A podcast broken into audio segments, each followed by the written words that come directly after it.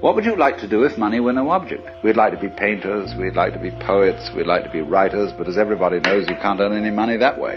You do that, and uh, forget the money.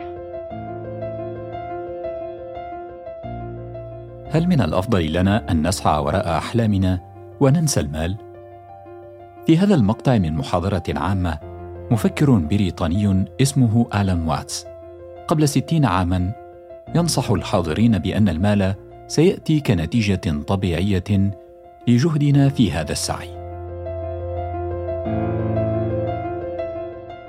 إحنا كلنا الوالد الله يطول بعمره أسسنا على مبدأ إنه لازم تتعلم مهنة وما عندك مشكلة دروس اللي بدك إياه بس المهنة هي الأساس. بتساعدك وين ما رحت وين ما احتجتها بتكون سلاح لك إنك تستخدمه. وهذا براء. منذ صغره يسمع نصيحة من والده. يقول والده يجب أن تتعلم مهنة غايتها كسب الرزق. سلاح في يدك تلجأ إليه في أحلك ظروف الحياة. براء يحلم أن يصبح طيارا. سيأخذه هذا الحلم إلى أماكن بعيدة. بدءا من شرق آسيا ونهاية في أمريكا. لكن مصاعب كثيرة تنتظره لتمنعه من أن يحلق فوق سطح العالم. فأي الحكمتين ستساعد براء في رحلته القادمة؟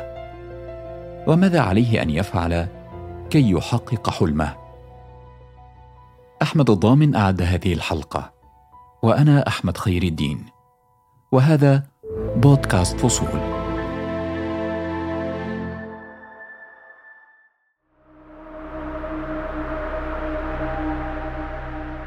براء ترتيبه الرابع بين ثمانية أخوة وأخوات في عائلة سورية تعيش في مدينة جدة في المملكة العربية السعودية.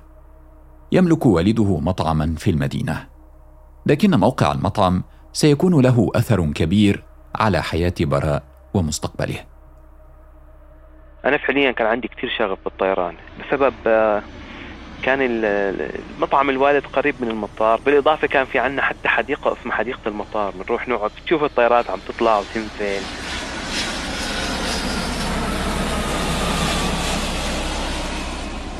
بعد أن أنهى براء الثانوية العامة وجاء الوقت كي يقرر التخصص الذي يريده في المستقبل. يقرر أن الوقت حان لتحقيق حلمه ودراسة الطيران المدهش في هذا الأمر أن براء كان يرى الطائرات من بعيد لكنه لم يكن قد ركب طائرة ولو لمرة في حياته قبل تلك اللحظة. أنا لما قررت أدرس طيران كنت بحياتي ماني راكب طيارة. تذكر إلي صديق الله يذكره بالخير قلت له تخيل أنا عم بحلم إني أصير طيار وبعمري ما ركبت طيارة؟ قال لي براء أنا عم بحلم أصير دكتور قلب وبعمري ما فتحت قلب إنسان فعادي. لكن وعلى عكس العادة في الكثير من العائلات العربية لم يكن أحد من عائلة براء قد درس الطيران من قبل. دراسة الطيران أو قرار إني آخذ الطيران بالنسبة لي كان جدا صعب لعدة أسباب. هو مجال جديد مو بس علي أنا جديد على العيلة كلها. صعوبة إنك تشوف الطريق لأنه دائما لما يكون في تجربة من قبلك بالمجال بيكون أسهل الطريق عليك. فهذا هذا الخيار ما كان لي موجود. مشكلة أخرى تواجه الطيارين العرب. لا توجد فرصة للطيار العربي المتخرج حديثا سوى العمل في دولته الأم. براء لا يستطيع العودة إلى سوريا وفي مكان إقامته في السعودية وفي دول الخليج بشكل عام لا يمكنه التقدم لوظيفة دون خبرة مسبقة. حتى الدراسة في أي دولة عربية قد لا تساعده على تحقيق حلمه. فصرت أدرس وين بدي أدرس؟ آه شو الدول اللي ممكن أدرس فيها؟ وشو الأفضل؟ تركيزي دائما كان آه أول شيء حاولت إني أدرس بالأردن التكلفة كانت جدا عالية والخبرة اللي بتاخذها بالأردن مش مثل الخبرة بالدول الثانية مثل أمريكا أو كندا. في المملكة الأردنية الهاشمية في عندك ثلاث مطارات. كمتدرب أنت عندك 250 ساعة طيران فأنت هدول بتصير تطير أنت حافظهم فأنت صار الموضوع حفظ أكثر من فهم. بس لما أنت تكون عم تطير بدولة مثل أمريكا أنت في عندك كثير خيارات مطارات فأنت لما عم تروح عم تجر... عم تنزل على مطارات جديدة. للمقارنة في الأردن مثلا هناك ثلاثة مطارات عامة للتدرب عليها. بينما في الولايات المتحدة هناك أكثر من خمسة ألاف مطار عام. ولاية كاليفورنيا الأمريكية وحدها تحوي أكثر من 500 مطار عام. التحدي يكمن في إيجاد المكان المناسب للتعلم وكسب الخبرة. فكل الخيارات للتعلم باهظة الثمن. الموضوع إذن يحتاج بحثا قبل اتخاذ قرار مكلف وحاسم. والد براء لم يبخل عليه بالنصيحة. خلصت الثانوية العامة بلورت الفكرة إنه أنا لازم أدرس طيران. فكان قبل ما آخذ القرار طبعا أنا خلصت الثانوية العامة دغري انخرطت في مجال العمل مع الوالد. و... ومارست حياتي بشكل طبيعي إنه أنا عم رتب أموري إني أدرس طيران. العائق الأساسي لدراسة الطيران هو المال حقيقة. طبعا إحنا الآن وصلنا لمراحل الطيران ممكن يكلفك مئة ألف دولار. والد براء يرى أن مهنة أخرى تضمن دخلا ثابتا هو سلاح بيد براء. السعي وراء الحلم ليس كافيا. ضمان الحياة المادية شرط أساسي في رأيه. إحنا كلنا الوالد الله يطول بعمره أسسنا على مبدأ إنه لازم تتعلم مهنة وما عندك مشكلة دروس اللي بدك إياه بس المهنة هي الأساس. وفي المقابل براء يسمع ممن حوله آراء لم تكن مشجعة. إحنا ك ك كطلاب أو ك خليني أقول لك يعني أنت حطيت نقطة مهمة إنه أنت بدك تدرس طيران كعربي بتواجهك كثير عقبات. العقبات بتكون بعض الأحيان من ناس مقربين إليك إنه بيقولوا لك يا أخي أحلام على قدك شو بدك تدرس طيران؟ بعد التخرج يعمل براء مع والده في مطعم العائلة لخمس سنوات. تزيد خلالها التزامات براء ومسؤولياته. خلال هاي الاربع خمس سنوات تزوجت وكونت أسرة. صار عندي زوجة وصار عندي ولد. لكنه ورغم التزاماته والتكاليف الباهظة والآراء المنتقدة ما زال مصمما.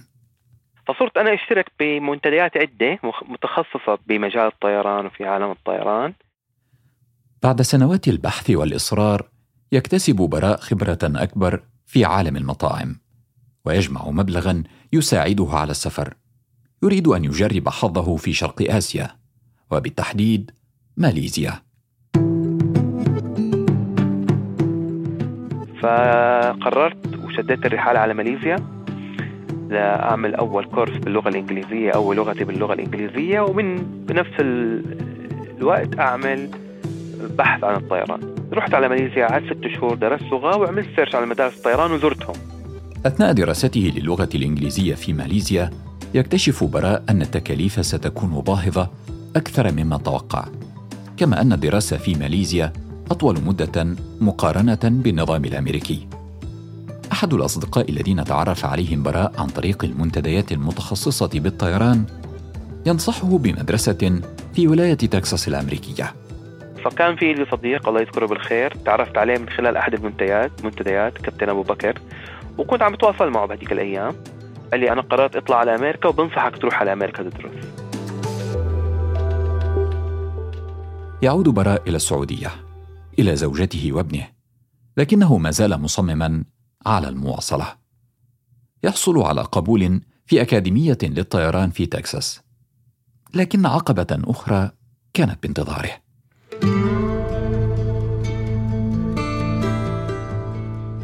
هلا أنا طبعا أول مرة قدمت على الفيزا الأمريكية. آه، رفضت رفضت الفيزا. قالوا السبب إنه أنت في عندك جاب ما بين الثانوية العامة لدراسه الطيران. فبدنا نعرف وين كنت بهذا الجاب قلت لهم كنت عم أشتغل. فقالوا لي خلاص جيب ورقة انك كنت عم تشتغل بتثبت راتبك وبتثبت آه، دخلك. براء يقدم طلبا مرة أخرى. الحظ يبتسم له أخيرا. وها هو الآن في طريقه إلى أمريكا. لكنه سيقوم بهذه الرحلة لوحده. مدينة اسمها دينتون هي تبعد عن دالاس تقريبا 35 mile north of Dallas فهي مدينة جامعية هادئة جدا. وإحنا كان في مطار دينتون هو كان مدرستنا أو الأكاديمية تبعنا فيه. يصل إلى وجهته في ولاية تكساس الأمريكية. طبعا كنا أول يوم كان في اجتماع لكل الطلاب ال international. أنا كنت واصل وكان في مجموعة طلاب أخرى واصلة من الصين. كان في طلاب واصلين من باكستان. الفرق كبير بين أكاديمية طيران في أمريكا والأكاديميات التي زارها براء في ماليزيا.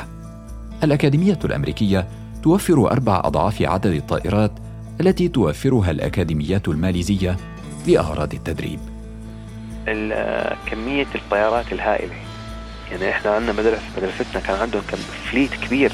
كمية الحركة على المطار نفسه سواء من مدرستنا أو نحن مطارنا كان ينزل عليه كثير طيارات خاصة رجال أعمال. فكانت حركة المطار حركة الطيران في أمريكا حقيقة مقارنة ما تقارن ما في أي دولة ممكن نقارنها بالصين. لكن إذا بدك تحكي على موضوع ال training وال private jet أمريكا تسبق الصين بهذا الموضوع يعني. جاءت اللحظة التي انتظرها براء منذ صغره وهو يشاهد الطائرات في حديقة المطار في مدينة جدة. فرصته الأولى ليقود طائرة ضمن الحصص التدريبية في الأكاديمية. فهي كانت يعني رحلة قصيرة كانت ما يقارب الساعة. بعد الرحلة يتصل بأهله في جدة. أحمد عن جد شعور ما بينوصف صراحة. يعني مشاعر كانت مختلطة كثير كنت مبسوط. أول ما نزلت حكيت مع الوالد والوالدة وقلت لهم أنا اليوم طرت أول رحلة. يرتب براء أموره تنضم إليه زوجته وابنه وينجح بعدها في استكمال متطلبات سنته الدراسية الأولى. لكن المصاعب المادية تجبره على التوقف عن الدراسة قبل بدء السنة الثانية. شوف حقيقة أنا لما طلعت واحدة من أسباب تأخري في دراسة الطيران أنا كنت عم بشتغل لحتى يكون موضوع المادة متوفر معي. فأول سنة من آه، من دراسة الطيران أنا كنت ما عم بشتغل أبدا. كان فقط دراسة وبيت فما كان في أي وقت للشغل أو العمل. يعود براء خلالها إلى عالم المطاعم المهنة التي اكتسبها من والده. الحلم وحده ليس كافيا لتمويل دراسته ومعيشته في أمريكا. هلأ كنت أشتغل بالمصلحة اللي تعلمناها مصلحة المطاعم. حاولت اشتغلت اشتغلت بالمطاعم مع كذا شركة. الحمد لله كانت كانت فترة جيدة إنه حاولت وفق ما بين الدراسة والشغل. بعدين عملت إلي شغل خاص يعني ليموزين. هي خدمة ال service من من المطار للفنادق وهالقصص هاي. بعد توقف دام عاما كاملا براء يجمع مبلغا كافيا ليعود إلى الدراسة. يعلم أن أمامه بالإضافة إلى العمل تحد قد يكون الأهم في مسيرته كطيار. امتحان من أصعب امتحانات الطيران. شهادة الرخصة التجارية للطائرات الكبيرة والذي يجب النجاح فيه من المرة الأولى. وإلا فإن الكثير من فرص العمل لن تكون متوفرة له بعد التخرج. هو الامتحان عبارة بيكون على جزئين طبعا. بيكون أول شيء امتحان أورال بيبعثوا هيئة الطيران المدني اختبار إكزامينر. اللي هو المختبر المصرح إنه يختبرك من جهتهم بيكون طبعا أنت بتأخذ منه موعد مسبق بيجي لعندك على المدرسة. تقعد أنت وياه ويبدأ يسألك أسئلة وأنت بدك تشرح له. وتفرجيه إنه أنت عارف فاهم الموضوع فاهم ال system فاهم انه القوانين بالذات القوانين يعني. ال oral لحاله أخذ ما يقارب ثلاث ساعات ونص. وبعد ما يخلص أسئلته إذا إذا نجحت في ال oral في الامتحان الشفوي بيطلعك على الامتحان العملي اللي هو الطيارة.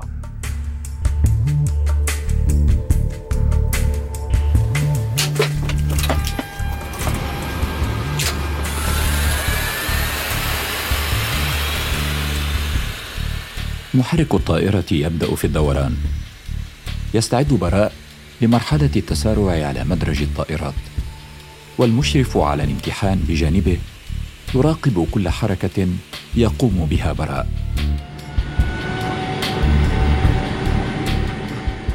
تقلع الطائرة بنجاح. الطقس جيد والأمور يبدو أنها تسير كما يرام. هو هو صراحة كمان من الأيام اللي ما تنسى حقيقة. هو يوم الامتحان ال commercial multi engine. أذكر تماما طلعنا كان الجو clear آه، ما كان في أي سحب ما في cloud يعني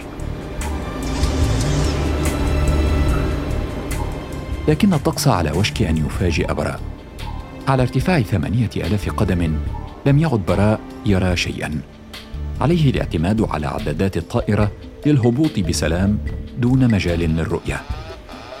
الرسوب في هذا الامتحان قد يعني انعدام فرصه للعمل كطيار في المستقبل. وإحنا خلال الامتحان بدأت الأجواء بتعرف تكساس الأجواء متغيرة بشكل مستمر. بدأت الأجواء يعني تبدأ الغيوم تحتنا طبعا تتكون وهيك. يعني بنفس الوقت كان بريشر أكثر اللي هو تطير اعتمادك على العدادات. فكان هو امتحان وانحطيت بموقف صراحة ما كان متوقع. بنفس الوقت كانت فرصة أكبر إنه الممتحن أو اللي عم يمتحني يشوف قدراتي على إني يتعامل بهيك أجواء أو بهيك ظروف. 50 40 30 20 retard 10 5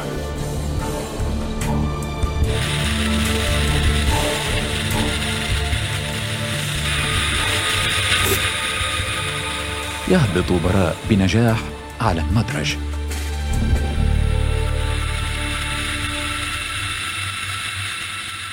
ينجح براء في استكمال الرخص المطلوبة للطيران التجاري لكن هذا النجاح ليس كافيا. على عكس الطلاب الأجانب الذين سيعودون إلى بلدانهم الأم بوظيفة جاهزة لن يستطيع الطيار الجديد العودة إلى السعودية والحصول على وظيفة هناك. قرر بدلا عن ذلك أن ينافس على وظيفة للطيران في أمريكا ولذلك عليه أن يحصل على رخصة إضافية. رخصة المدرب. ما خلصت أول ست رخص طبعا صار الوضع شوي صعب حقيقة. خلال تحضيري لرخصه المدرب فتعرف أنت عندك عيلة ورب العالمين رزقني هنيك بأمريكا بولدين صار عندي ثلاث أولاد فصار عندي ثلاث أولاد ومسؤولية وبيت الحلم أثبت أنه أقوى من الصعوبات براء يحصل على رخصة مدرب بعد أكثر من ثلاث سنوات على بدء دراسته. يعمل كمدرب للطيران. أمله أن يعمل ويستقر في أمريكا. لكن القدر لن يشأ له ذلك. قوانين الهجرة لن تسمح له بالبقاء في أمريكا. والعودة إلى السعودية ستكون نهاية حلمه كطيار. الحل أمامه الهجرة إلى كندا. والله قرار كندا اجى يعني بعد صبر بعد صبر طويل في أمريكا طبعا بين كندا وأمريكا في اتفاقيات ممنوع حدا يطلع من كندا يطلب آه، لجوء في أمريكا أو العكس من أمريكا لكندا. يعني إذا أنت كنت عايش في أمريكا وتيجي على كندا تطلب لجوء أو بدك تطلع من كندا إلا في حالات معينة من ضمن هي الحالات وجود درجة قرابه درجه أولى في كندا. فأنا كان في عندي قرابه درجه أولى هون. الانتقال إلى كندا يعني أن على براء أن يخضع لاختبارات جديدة لمعادلة شهادات الطيران الأمريكية.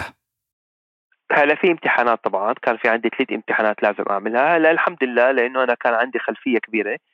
أنا جيت من أمريكا معي 1700 ساعة طيران. بلد جديد. حياة مختلفة على براء أن يتأقلم معها.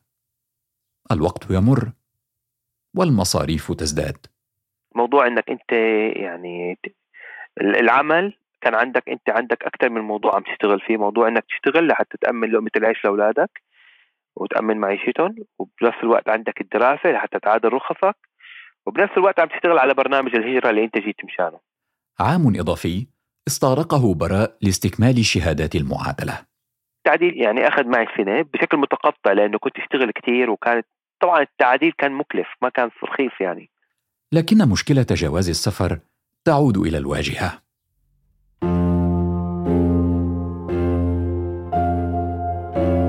الشركات اللي بدي أشتغل فيها كانت معظمها بتطير على الولايات المتحدة وأنا كحامل لجواز السوري كان لازم يكون عندي فيزا. حاولت آخذ فيزا مرة ثانية as crew للولايات المتحدة رفضت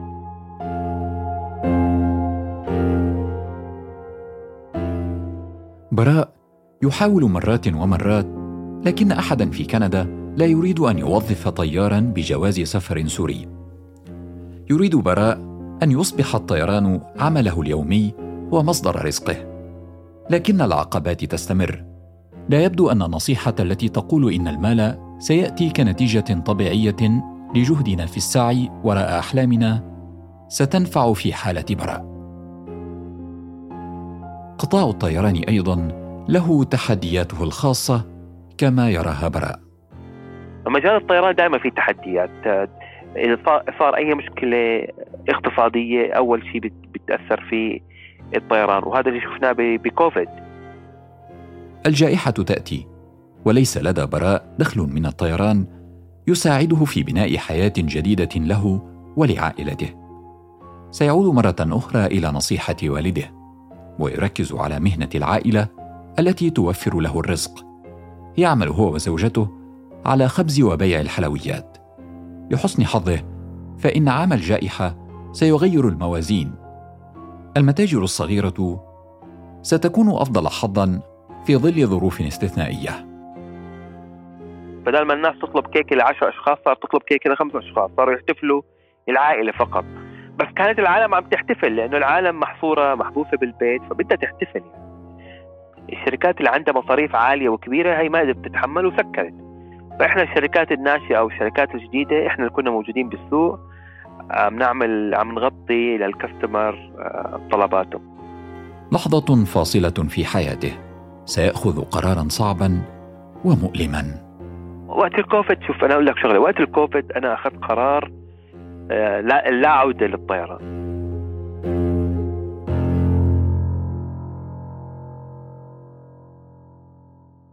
هل تثبت قصة براء أن علينا أن نضمن كسب الرزق أولا ولا نعتمد على الحلم وحده؟ هل تتكسر أحلام أغلبنا في النهاية على صخرة الواقع أم أن نصيحتين تكملان بعضهما؟ لا تبدو هذه القصة للوهلة الأولى ما تعودنا عليه في بودكاست فصول وهي ليست قصة يعود فيها البطل منتصرا دائما. لكن وكما يقول فرانك هربرت مؤلف سلسلة روايات فون للخيال العلمي ليس هناك نهاية حقيقية لأي قصة. النهاية هي اللحظة التي يتوقف فيها الكاتب عن كتابة قصته.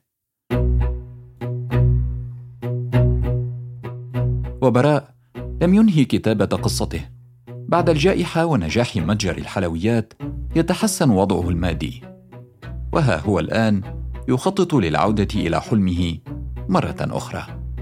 هلا الآن أنا عم هيئ نفسي يعني من شهر أخذت الجنسية طبعا خلال هي الفترة أنت في عندك أمور لازم تجهزها بدك تجدد رخصتك. أنا عم فكر هلأ حاليا إني أدخل بال private jet ما في limit أنا هقدم على كل الشركات. فالشركة أو الرزقة اللي بتجيني اللي رب العالمين كاتب لي إياها أكيد راح أخذها هلا حاليا شو ما كانت الفرصة لحتى بس أرجع للطيران Better to have a short life that is full of what you like doing than a long life spent in a miserable way.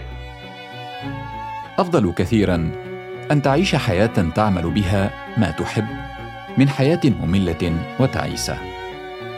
هكذا قال ألان واتس. ورغم كل الصعوبات براء على يقين أنه سينجح في النهاية. لما يكون عندك حلم شو ما كانت الصعوبات قدامك في شيء يحمسك إنه أنت رح توصل لهدفك هذه تحيات أحمد الضامن في إعداد هذه الحلقة وأنا أحمد خير الدين